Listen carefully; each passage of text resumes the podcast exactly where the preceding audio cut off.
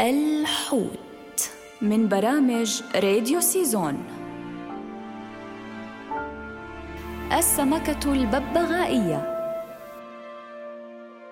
سميت هذه السمكة بهذا الاسم بسبب أسنانها الأمامية المرتبة في مقدمة فمها بحيث تشبه منقار الببغاء. وهي سمكة بحرية تعيش في المياه الدافئة بين الشعاب المرجانية في المحيطات والبحار. ويوجد منها نحو ثمانين نوعاً تتراوح في أحجامها بين 20 سنتيمتراً الصغير إلى متر ونصف العملاق.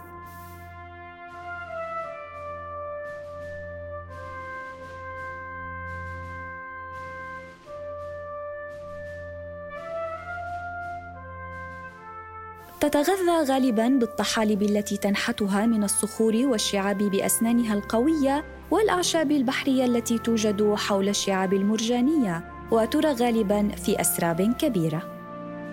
السمكة الببغائية الملكة التي تعيش في الأجزاء الحارة من غرب المحيط الأطلسي. تسبح أحيانا في مجموعات تتكون من ثلاث أو أربعة سمكات أنثى وذكر واحد. وفي الليل يكون الكثير منها نوعا من الغطاء الرقيق الشفاف وتقبع فيه حتى يسطع ضوء النهار وبعد هضم المواد الغذائية تخرج الفضلات على شكل رمل فكل سمكة قادرة على أن تنتج 90 كيلوغراما من الرمال سنوياً.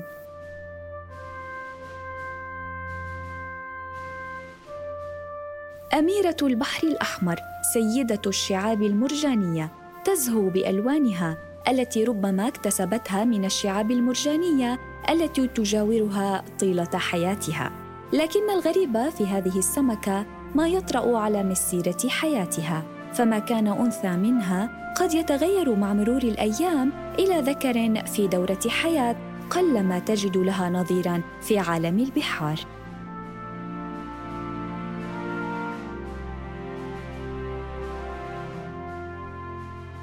وسمك الببغاء هو من إحدى العائلات البحرية التابعة لأسماك الرأس والتي تصل إلى 500 نوع.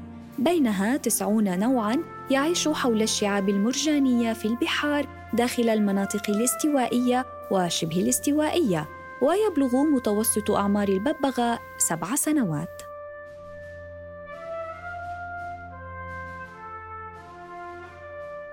ألوان معظم أنواع هذه الأسماك حمراء أو بنية أو رمادية في المرحلة الأولى من عمرها، ومن ثم تتحول إلى اللون الأخضر أو الأزرق الزاهي الذي تتخلله بقع زهرية أو برتقالية أو صفراء.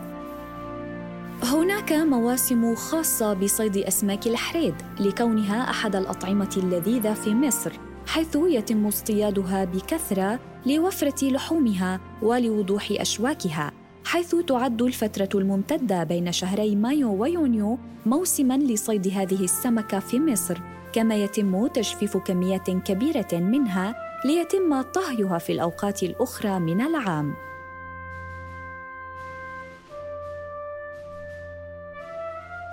أما بالنسبة لوضعها ضمن قوائم الطعام في العالم فهي نادرا ما تؤكل في الولايات المتحدة الأمريكية وتؤكل نيئة في دول أخرى وكانت تعد طعاما ملكيا خاصا بالملك في بولينيزيا.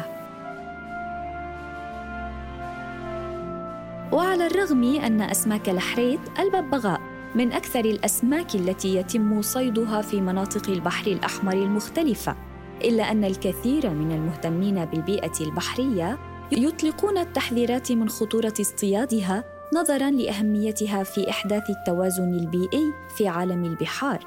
ويطالب الخبراء بتقنين صيد هذا النوع من الأسماك نظرا لأهميته البيئية مؤكدين ضرورة رفع الوعي لدى فئة الصيادين للحد من اصطياد الأحجام الصغيرة من هذه الأسماك وتركها لعمر يسمح لها بالتكاثر وتوفير كميات بديلة للكميات التي يتم صيدها. حيث أن مياه البحر الأحمر في حاجة لها للمحافظة على البيئة البحرية.